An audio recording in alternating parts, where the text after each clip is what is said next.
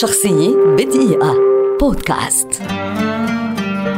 ميكا هاكنن سائق سباقات فنلندي شهير ولد عام 1968 ويعد واحدا من أبرز السائقين في تاريخ الفورمولا 1 ظهر للمرة الأولى في سباق الجائزة الكبرى للولايات المتحدة عام 1991 وانتهى في المركز الثالث عشر.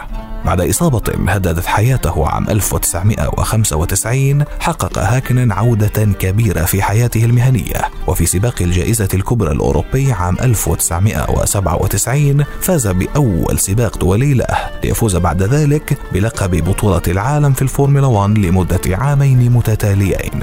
اكتسب شهرة واسعة كواحد من أعظم السائقين على الإطلاق مع 20 فوزا و51 منصة تتويج و56 نقطة انطلاق و420 نقطة مهنية وفاز بلقبه الأخير في سباق الجائزة الكبرى للولايات المتحدة عام 2001 شارك هاكنن أيضا في برنامج Top Gear الشهير أثناء تعليم مقدم العرض جيمس ماي أساسيات قيادة الرالي. ويحتل ميكا الآن المرتبة الثامنة في قائمة أفضل عشرة سائقين للفورمولا 1 على الإطلاق. إنه السائق الذي قال عنه الأسطورة مايكل شوماخر إنه أكثر رجل احترمه خلال مسيرته في سباقات الفئة الأولى. شخصية بدقيقة.